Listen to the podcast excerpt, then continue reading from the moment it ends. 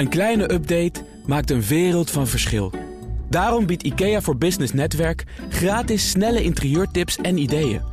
Word gratis lid en laat je werkplek voor je werken. IKEA, een wereld aan ideeën. Baanbrekende businessmodellen wordt mede mogelijk gemaakt door Salesforce. Verenig je rond je klant met Salesforce. Blijf scherp.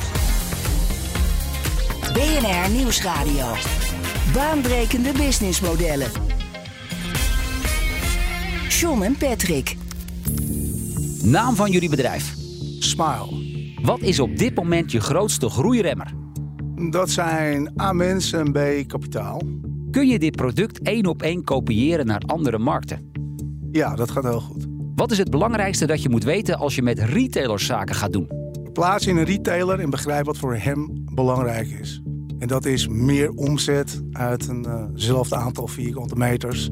Als dat kan met een duurzaam product, dan bied je ze ook echt iets. En Dat- beste Almar, welk probleem lossen jullie eigenlijk op? Wij lossen het probleem op eh, dat wij een eh, product bieden waarbij je geen plastic meer nodig hebt als het gaat over mondverzorging. Over bedrijven die zichzelf opnieuw uitvinden en nieuwkomers die bestaande markten opschudden. Dit is baanbrekende businessmodellen. Met mij John van Schagen en Patrick van der Pijl. Onze gast is Almar Fernhout van Smile. Van harte welkom. Ehm, in 2021 winnaar van de Green Quest. Een soort competitie voor duurzame innovaties die BNR een paar jaar heeft georganiseerd. Heeft die, eh, het winnen daarvan jullie eigenlijk nog iets opgeleverd? Ja, het was een geweldig moment. Eh, we konden ons toch goed op de kaart zetten als serieuze speler. En de juryleden die eh, ons de prijs toekenden waren ook niet de minste. Dus uh, nee, ontzettend blij mee. Super. Ja. Hey, en je hebt je product ook meegenomen naar de studio. Um, wat, wat, zien we hier?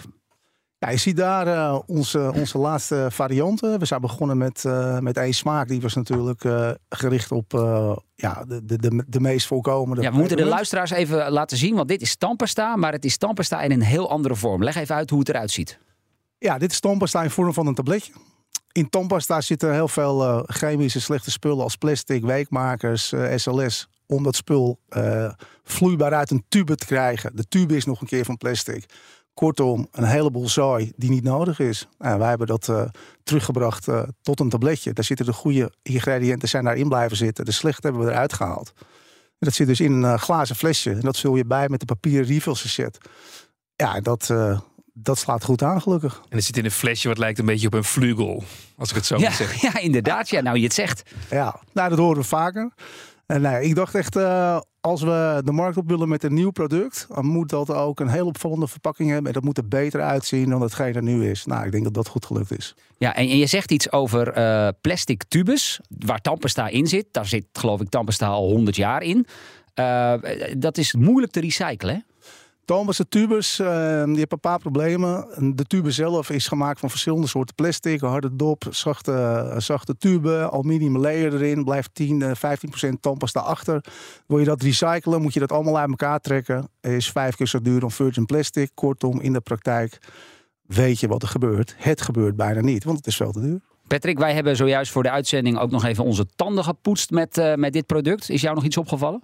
Ja, het was wel een beetje onwennig, want ik had het al thuis geprobeerd en toen begon het niet te schuimen. Dus ik dacht, hé, hey, hoe werkt dat nou eigenlijk? Terwijl het is te simpel voor woorden, ja. maar uh, toch uh, lastig. Maar um, ja, uiteindelijk uh, werkt het. Um, en het is wel een stukje makkelijker en schoner. Ik merk altijd als je thuis die tube opendraait, er blijft altijd een streepje hangen. Dus die, die valt dan op de grond. Of, uh, ja, dat is herkenbaar.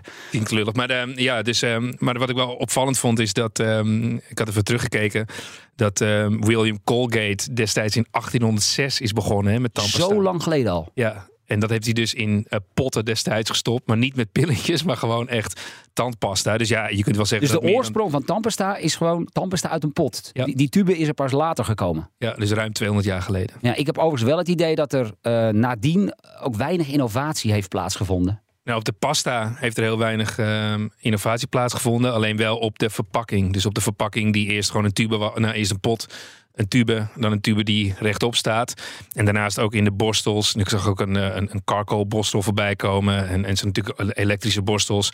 Daar is wel het een en ander gebeurd. Um, maar dan heb je het wel uh, gehad, ja. Ja, dus dit was ook wel bij uitstek een product dat wel een beetje innovatie gebruiken kon. Ja, ja. iets baanbrekers mee doen, denk ik. Ja. Het leuke is, in 2021, toen jij uh, de Green Quest won, ik was daar ook bij betrokken. En ik weet nog dat ik toen tegen jou zei, ja, Almar, een mooi product, maar het schuimt niet. Dus ik heb niet het gevoel dat ik mijn, mijn tanden aan het poetsen ben. En mijn vrouw klaagde daar ook over, want je gaf ons wat producten mee naar huis. En dat probleem heb je inmiddels opgelost, hè? Ah, John, uh, ik heb heel goed naar jou en je vrouw geluisterd. Heel goed, heel goed. en ik denk, als John dat vindt, dan vinden vast meer mensen dat. En dat bleek ook wel. Kijk, schuim doet heel weinig voor je, voor je gezondheid in je mond. Uh, maar mensen zijn er wel aan gewend. Dus je kan twee dingen doen. Als je naar de markt gaat met een nieuw product, of je gaat iedereen uitleggen dat schuim niks doet, of je denkt, mensen willen schuim, ik geef ze schuim maar dan wel op een natuurlijke manier. En wij hebben voor die laatste versie gekozen. Ja, want dat schuimen doet in feite niks voor je mondhygiëne. Het is meer wat het gevoel wat mensen dus daarbij het hebben. Gevoel, en het gevoel is super, super, super belangrijk als je een nieuw product introduceert. En je moet echt hebben dat als mensen iets nieuws proberen, wat al anders is, stoppen ze het in hun mond. En ze moeten direct die beleving hebben van wauw, ja, dit is top. Want het schuimt is eigenlijk geen verschil. Ja, het is interessant wat hij hier zegt, eh, Patrick. Um, het is een, een bestaand product in feite opnieuw uitvinden. En dan moet je uh, het zo ja, zo herkenbaar mogelijk maken voor de consument. Anders dan, ja, dan, dan slikt hij het niet. Ja, het klinkt eigenlijk ehm, te simpel voor woorden, maar het moet voor consumenten echt heel simpel zijn. Dus we um, zijn wel vaker betrokken bij productinnovaties. Dus bijvoorbeeld voor een bedrijf als Heineken of Mars of Lego.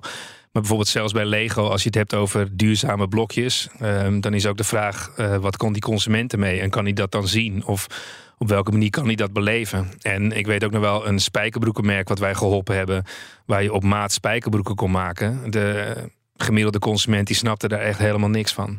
Dus ik denk ook voor dit concept is het belangrijk dat je kunt uitleggen wat is het nou ten opzichte van een bestaande tube en hoeveel poetsbeurten doe ik dan. Ik zou niet eens weten wat ik nu uit een tube haal.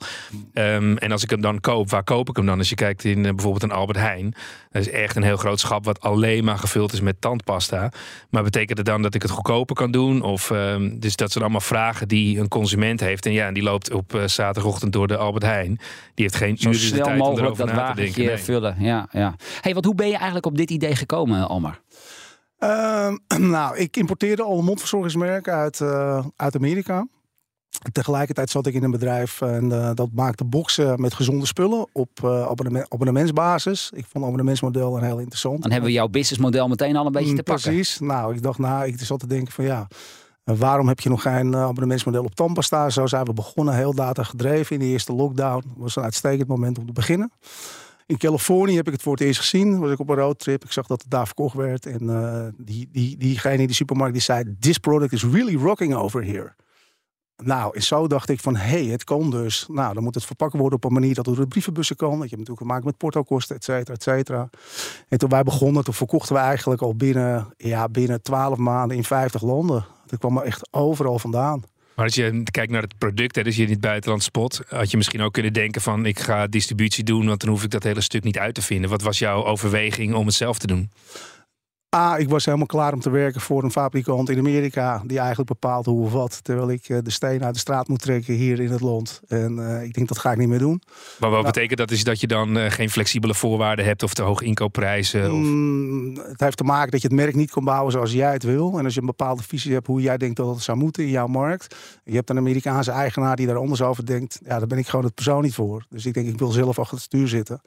En daarom ben ik, hebben wij gekozen voor een voor een manier om eigen recepturen te ontwikkelen. En daar ook eigenaar van te zijn. Maar ik kan me ook voorstellen dat zij aan die kant denken van... hey, je hebt nog nooit... Oh ja, je hebt natuurlijk wel verstand in de kennis in de branche. Alleen je hebt het nog nooit eerder gedaan. Dat zij misschien ook zeiden van... nou, dat is misschien een hoog risico voor onze kant... Uh. Uh, nou ja, dat uh, kan ik duidelijk over zijn. Nee, ik ben geen tandarts. Uh, wat wij dus hebben gedaan van tevoren, goed nagedacht. Wat, kan je, wat ga je tegenkomen als je een product als tandpasta lanceert? En je bent zelf geen tandarts. Dus wij zijn meteen uh, contact gaan zoeken met de ACTA. die de ACTA is? De ACTA is, de, is, is, is, het onderzoeksorgaan als het gaat over mondverzorging. En ja. daar doen tandartsen ook examen, zeg maar. Dus het ja. is, een, is echt een begrip. Ehm, en het is heel belangrijk dat je die groep mensen, dus de experts, aan jouw kant gaat krijgen. Dus in het begin kregen we heel snel de, de feedback van ja, maar het werkt niet, ik geloof het niet. En dan zei ik, nou oké, de ACTA, dit is het onderzoeksresultaat. Kijk even op dit linkje. Ja, kijk, en dan kan je dat tackelen van tevoren. En dat heeft geresulteerd dat we nu met 1300 tandartsen samenwerken die samplen onze spullen. Dat helpt ontzettend. Ja, even nog terug, hè, want ehm, op een gegeven moment besluit je dus om te zeggen: oké, we gaan zelf een receptuur maken. Nou ja, dan moet je in feite het tandpasta opnieuw gaan uitvinden, want dat is. Uh, het traditionele tandpasta is een soort chemisch mengsel van allerlei kunstmatige kunststoffen, schuimmiddelen, conserveringsmiddelen, weekmakers en ook microplastics. Nou, dat wilde jij er allemaal niet in hebben. Dan heb je een product, je laat het testen, het werkt, maar je hebt nog nul klanten en niemand kent je. Nee, dat, is een, uh, dat is een mooie challenge. Nou ja, van tevoren uh, had ik een paar check in de boxes waar het aan moest voldoen. Het moest bewezen effectief zijn. Check. Ja, acta. Het moest makkelijk in gebruik zijn. Check. Stop het in je mond, kauw en poetsen zoals je altijd deed. Het moet lekker smaken. Check. Dat deed het. Het moet er beter uitzien als de rest. Check. Dat doet het. Het moet niet duurder zijn dan je main competitors. Check. Doet het. Dus dan heb je iets waar je van denkt, daar kan ik mee naar de markt. En dan moet je het verhaal goed vertellen. En mensen moet je mee zien te krijgen. Ja, en, en hoe heb je dat dan gedaan? Is dat een kwestie van. Ga je dan heel veel reuring maken op social media? Ga je dat aan vrienden uitdelen? influencers inschakelen? Ook, ook, ook. Allemaal gedaan? Allemaal gedaan. Heel veel leuren. Heel veel leuren, non-stop je verhaal blijven vertellen. En ook vooral uh, andere mensen laten vertellen dat het werkt en dat het goed is. want wij van WC het adviseren, dat kennen we allemaal wel. Uh, en daarom is die, uh, die hele tandartshoek voor ons ook heel belangrijk. Ja, je ziet dat die uh, gebruik van influencers in de medische wereld heel gebruikelijk is. En soms zijn er nog wel eens dingen om te doen, omdat het dan wel of niet ehm, transparant gebeurt. Um, ik kwam alleen inderdaad niet zo'n um, reclame van jou tegen met zo'n tube en zo'n voice-over met verkeerd nagesynchroniseerde mond. maar dan heb je er wel gekozen inderdaad om met die professionals te werken, maar uiteindelijk niet op die manier te gaan adverteren. Nou, nee, kijk, eh, met alle respect, er zijn zeker influencers die werken, maar uh, het is niet de holy grail. Het is wel een combinatie van factoren. Mensen vragen het vaak. Ik doe, ik doe veel de, de marketing binnen ons bedrijf. Uh, ben ik er nou bij betrokken. En zeggen, ja, wat is jullie holy grail geweest? Maar het is een combinatie van factoren. En die dingen moeten in elkaar gaan, gaan, gaan zitten, zeg maar. En uh, dan gaan dingen werken. Het is dus niet één iets wat jou miljoenen gaat opleveren. Je hebt gewoon overal keihard op deuren gebonst luister, uh, ik blijf net zo lang bij tot die open is. En een andere vraag nog die ik heb, is um, als je kijkt naar die landenstrategie, uh, zie je soms dat je, um, als je te veel meteen zeg maar allerlei landen induikt en uh, het gaat niet goed, dan heb je ineens de hele wereld als klant. Ehm, hoe heb je daarnaar gekeken? Heb je gekeken om eerst een intro te doen en was uiteindelijk de intro die je in je hoofd had misschien een heel ander land geworden? Hoe is dat met jou gegaan? Nou, laat ik daar duidelijk over zijn. Kijk, wat ik net zei, dat we via de algoritmes in heel veel landen verkochten. Dat is niet de main focus geweest. Wij hebben echt de focus gehad. Wij willen een model, een blueprint neerzetten in onze home market. Dat is dus een, een e-commerce stuk en daarnaast retail. Ik bedoel, we liggen nu bij 3000 winkels. Je gaat naar Albert Heijn, Jumbo, Plus, Ethos, Hollanderbeert, Ecoplaza. Dat, is, dat was Nederland voor jou? Dat was gewoon Nederland. Um, goed zorgen dat je die community bouwt. Nou, die community die, die is, is, deels Nederlands, deels in het buitenland. Dus je gaat over de e-mailadressen. Het zijn er honderdduizend. Het zijn fans van het merk.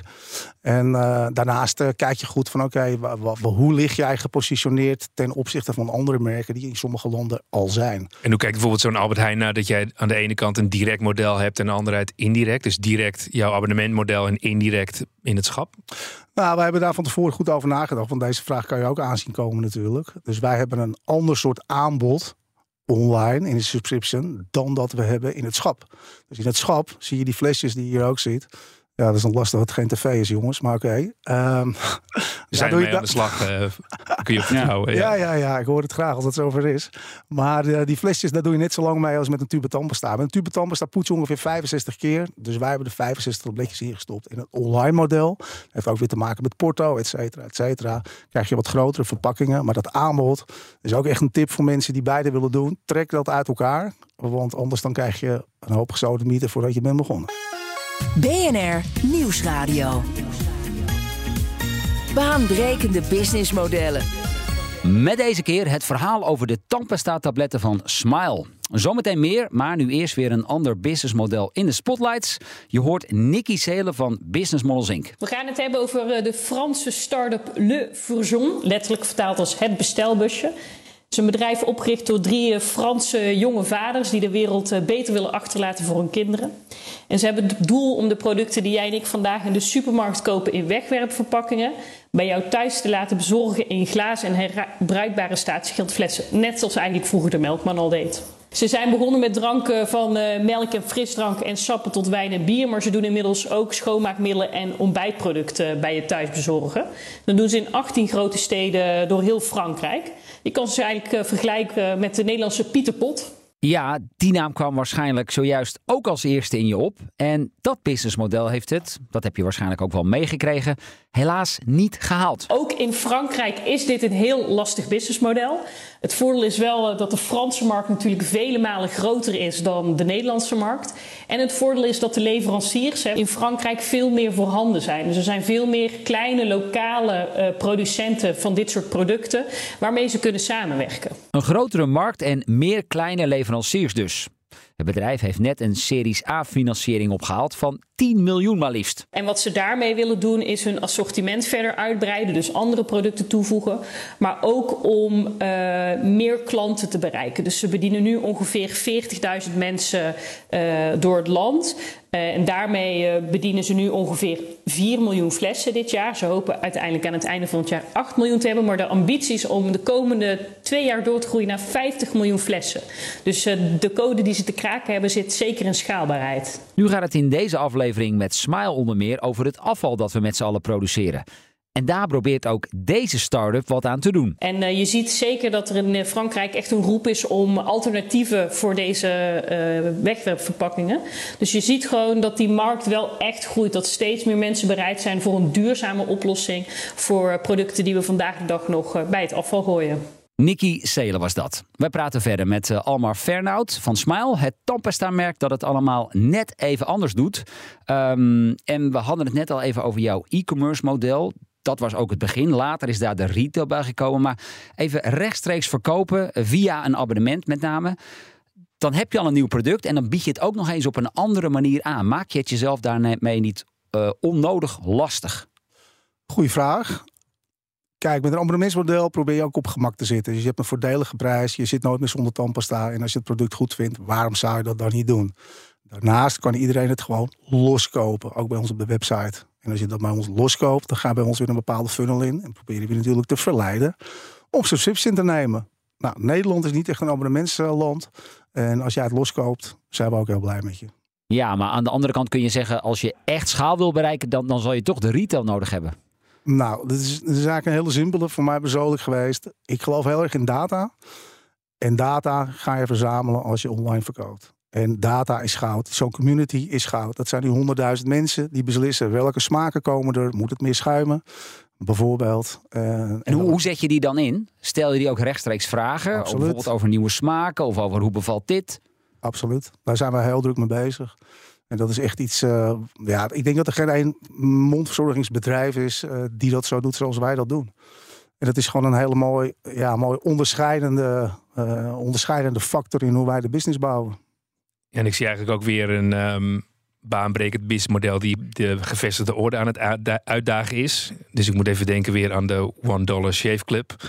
Dus beginnen met de scheermesjes. Um, zie je uiteindelijk ook een exit-strategie dat uiteindelijk een grote fabrikant jou opkoopt. Maar dat komt eigenlijk ook gelijk de vraag naar voren: waarom hebben die die uh, pillen nog niet op de markt gebracht? Ik denk dat het voor veel grote fabrikanten uh, lastig is om om te switchen zo snel. Hè? Want die, al die supply chains zijn ingericht op een bepaalde manier.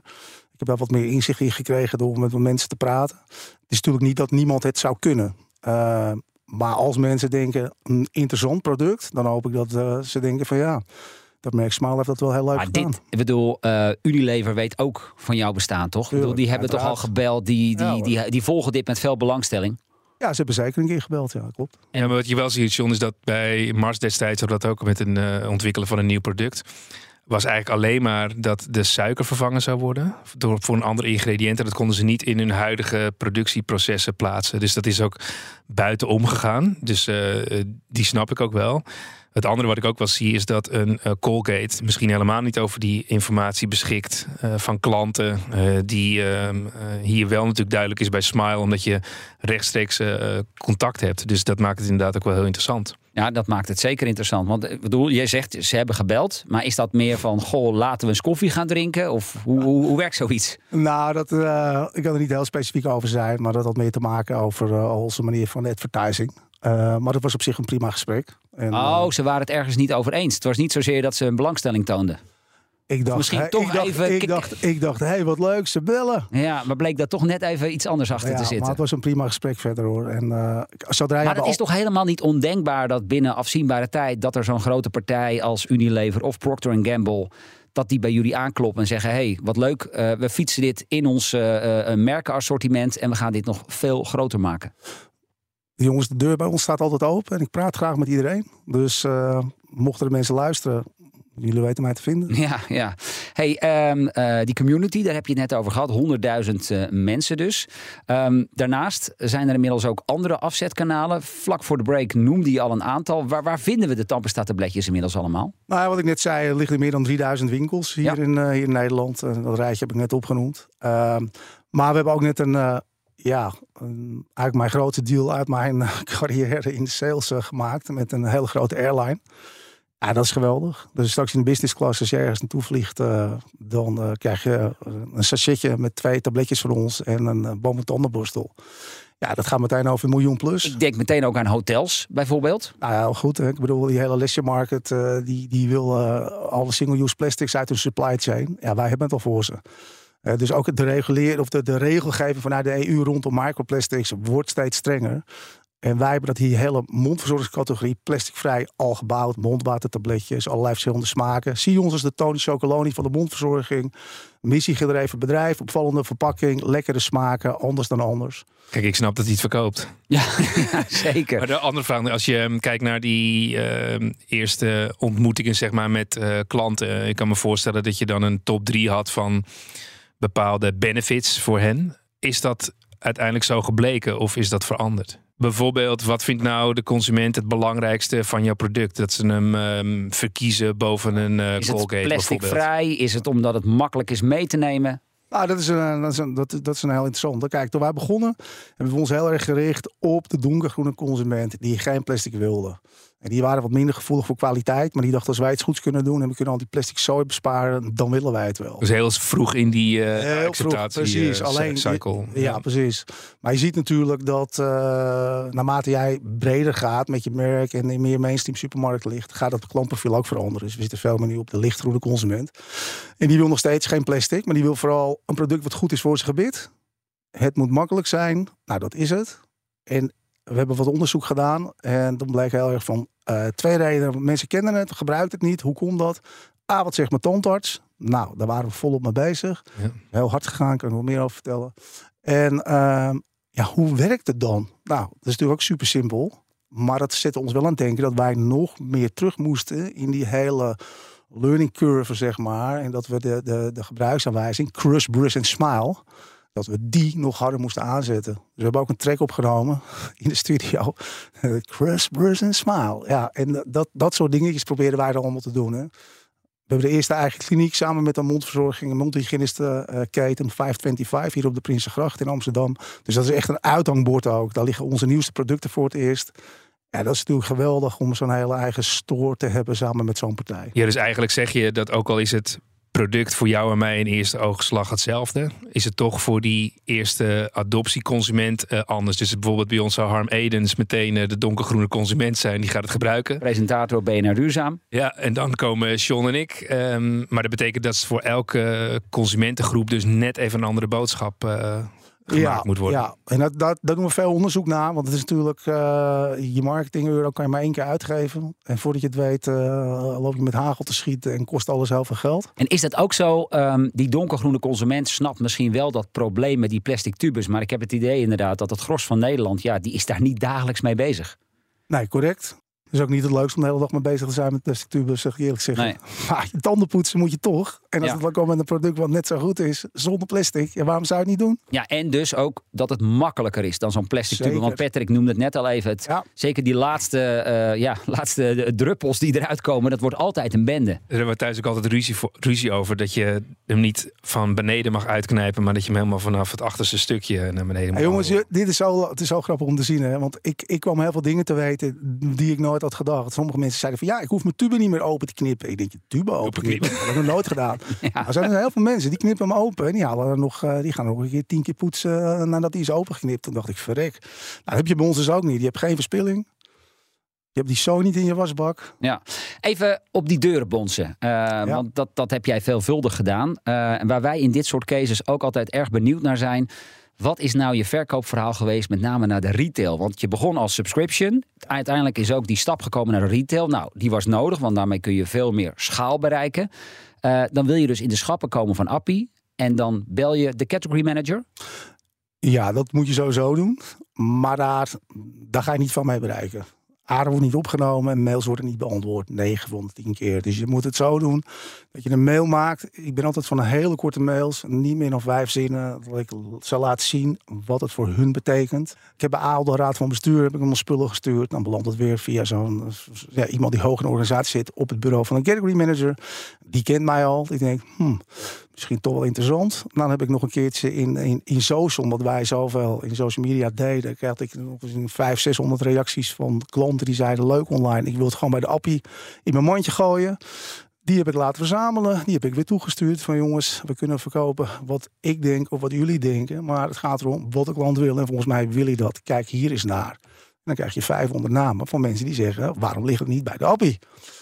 Nou, dat alles bij elkaar resulteerde in een uh, heel leuk gesprek, moet ik zeggen. En uh, ja, bleek wel dat ik op het randje had gezeten. Maar ja, nu is van ja, dat is wel heel leuk gedaan. He doesn't take no for an answer. Ja. ja, maar kijk, het is dus heel belangrijk dat je niet maar blijft duwen en jezelf blijft herhalen met hetzelfde verhaal. Maar dat je wel steeds een soort insteek zoekt.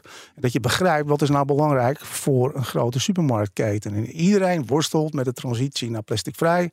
De druk wordt steeds groter. Maar je moet ook producten hebben die, uh, ja, die onderscheidend zijn en, en eigenlijk iets toevoegen. Maar als jij met dit soort grote partijen uh, gaat zaken doen, dat betekent ook dat het voor jou heeft dat impact. Met name ook het financieren van allerlei uh, voorraden hè, en het Zeker. bekostigen van marketingcampagnes. Nu heb jij ruim een jaar geleden nog iets van ruim een miljoen opgehaald via sharefunding. Ja, correct. Dat lijkt me alleen nog niet voldoende om echt op hele grote schaal dit spel te gaan spelen. Ja, dat, uh, dat klopt helemaal. Daarom hebben we ook net een nieuwe ronde gestart. Die is wat kleiner. Als mensen denken van, hey, interessant, een mooi, groei, uh, een mooi groeimodel dit. Uh, ga naar broccoli, dan zie je wat, uh, wat we nu aan het doen Kijk, Hij is alweer aan het verkopen, hoor je dat? En, ja, alleen het zijn iets andere potten dan Pieter Pot, maar ze zijn iets kleiner en er zit ja. andere inhoud in. Maar... Ja. ja ik moet wel zeggen, ik volg het heel goed. Ik ken Jury ook goed. Pieter Pot was onze eerste klant. Ja. Oh, wauw. Dat was onze eerste klant. Dus ik vind het geweldig hoe, hoe hij volhoudt. Ja, hebben we overigens ook twee afleveringen over gemaakt met Pieter Pot. Zeker eh, de moeite van het terugluisteren nog even waard. Man. Maar leg dat nog eens even uit aan, zo'n, uh, aan de luisteraar. Want je had het net over een grote airline waarmee je aan de slag gaat. Nou, ja, ja. Dan moet je gaan voorfinancieren. Over wat voor soort bedragen hebben we dan?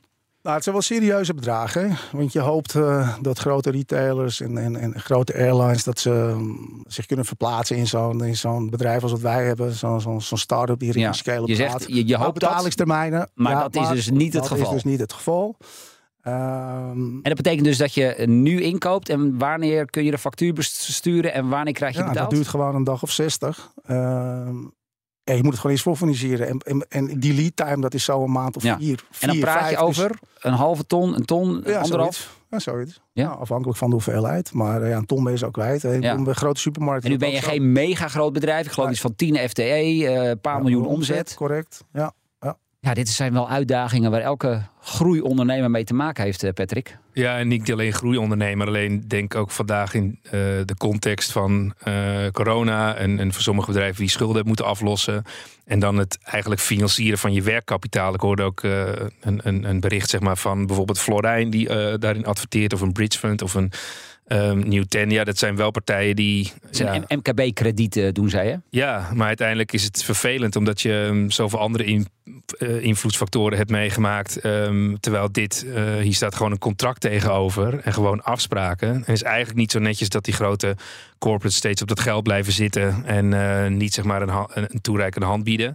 Ik denk als dat ze dat echt zouden doen... dat onze ja, Nederlandse economie een stukje harder kan groeien. Want het is onlogisch om dat hier vandaan te laten komen. Ik bedoel, jij hebt een, een wens en je wilt het verzorgen en invullen. Ja, dan heb je een portemonnee, dan moet je ook die portemonnee trekken. Ja, dit is wel echt een hoofdpijndossier voor heel veel MKB-ondernemers. Nou, laat ik zo zeggen, voor de BV Nederland zou het heel mooi zijn als er zou gebeuren wat jij net schetst, Patrick. Want uh, de innovatiekracht gaat dan keihard vooruit natuurlijk. En het is eigenlijk zonde dat je soms hele mooie uh, hele mooie groeimodellen ziet. Uh, die, die geremd worden door, door cash. Ja, want dit, dit, is geen um, durfkapitaal meer, want dit is een bewezen product. Uh, er is, ligt een contract aan de grondslag. Dus het enige wat je moet doen is het invullen en het organiseren. Klopt. Ja. Nou. nou ja, correct. Ja, nou, dus dan zijn we daar in ieder geval uh, over uit. hey, uh, je noemde net de BV Nederland. Uh, laten we eens even kijken naar de BV Buitenland. Is tandenpoetsen een, een cultuurgebonden product? Of kun je dit, ja, volgens mij gaf je in het begin ook aan, je kunt dit redelijk één op één kopiëren naar andere markten. Ja, alleen in ieder land zijn ze wel gevoelig voor wat andere angles. Uh, Zoals? Wij gaan, nou, in, in Zuid-Amerika bijvoorbeeld, in Brazilië, heb je heel veel uh, esthetische kliniek op elke hoek van de straat. En wil iedereen een, uh, de Gerard Joling smile, om het zo maar te zeggen. Ja. En, maar wat heeft dat met tandenpoetsen te maken? Nou, daar is mondverzorging ook super, super, super belangrijk. Ah, okay. En mensen met geld die willen daar vaak ook nog meer uitgeven voor hele, hele goede producten. En dat is eigenlijk dit met cosmetica in Nederland. En sommige vrouwen die, uh, ja, uh, die smeren ja. la mer. Ja, maar, maar wat betekent dat dan concreet voor jouw product in bijvoorbeeld Zuid-Amerika? Nou, Zuid-Amerika, dat, dat gaf je net aan, omdat ik zie dat daar de verschillen groot zijn. Maar in Europa is dat redelijk, uh, redelijk generiek. Het moet goed zijn voor je gebit.